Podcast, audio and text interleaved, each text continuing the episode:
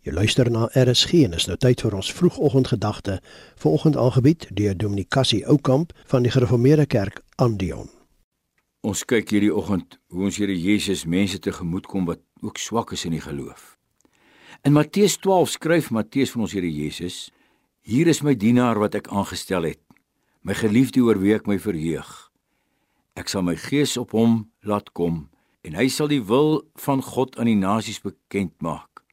Hy sal nie twis en nie skreeu nie en niemand sal sy stem op die strate hoor nie. 'n Riet wat geknak is, sal hy nie breek nie en 'n lampet wat rook sal hy nie uitdoof nie. Hierdie is woorde uit een van die knegliedere van Jesaja wat al vier in Christus vervul sou word. Dit was die troos van die Here aan 'n verswakte volk in ballingskap. 'n Geknakte riet. Ag, 'n riet is reeds nie die kampioen onder die houtsoorte nie, maar tog bruikbaar vir 'n pen of 'n fluit maar as die riet geknak is, gooi dit weg. So was die volk van Jesaja ekonomies geknak, maar geestelik ook geknak, nie kampioene nie. 'n Lampet wat rook, as die lamp se put eers in die olyfolie gedryf het, word dit hard en brand dit al hoe dowwer en begin rook. Dan moet jy die lampet maar dooddruk en weggooi en 'n beter een in die lamp sit. Soos met die volk in ballingskap, swak en dof, Wie kan met sulke materiale 'n nuwe toekoms skep? Gooi weg. Nee sê die Here deur Jesaja. My knegg kom. Hy sal dowwe lampe te weer laat brand. En dit word waar. Jesus die knegg van die Here kom die swakkes te hulp en ek en jy word in ons swakheid nie weggooi goed nie, maar heel maak goed. Jesus se bediening was die bediening van die geknakte riet sondaars, tollenaars, vrou met 'n reputasie, melaatse skrepeles.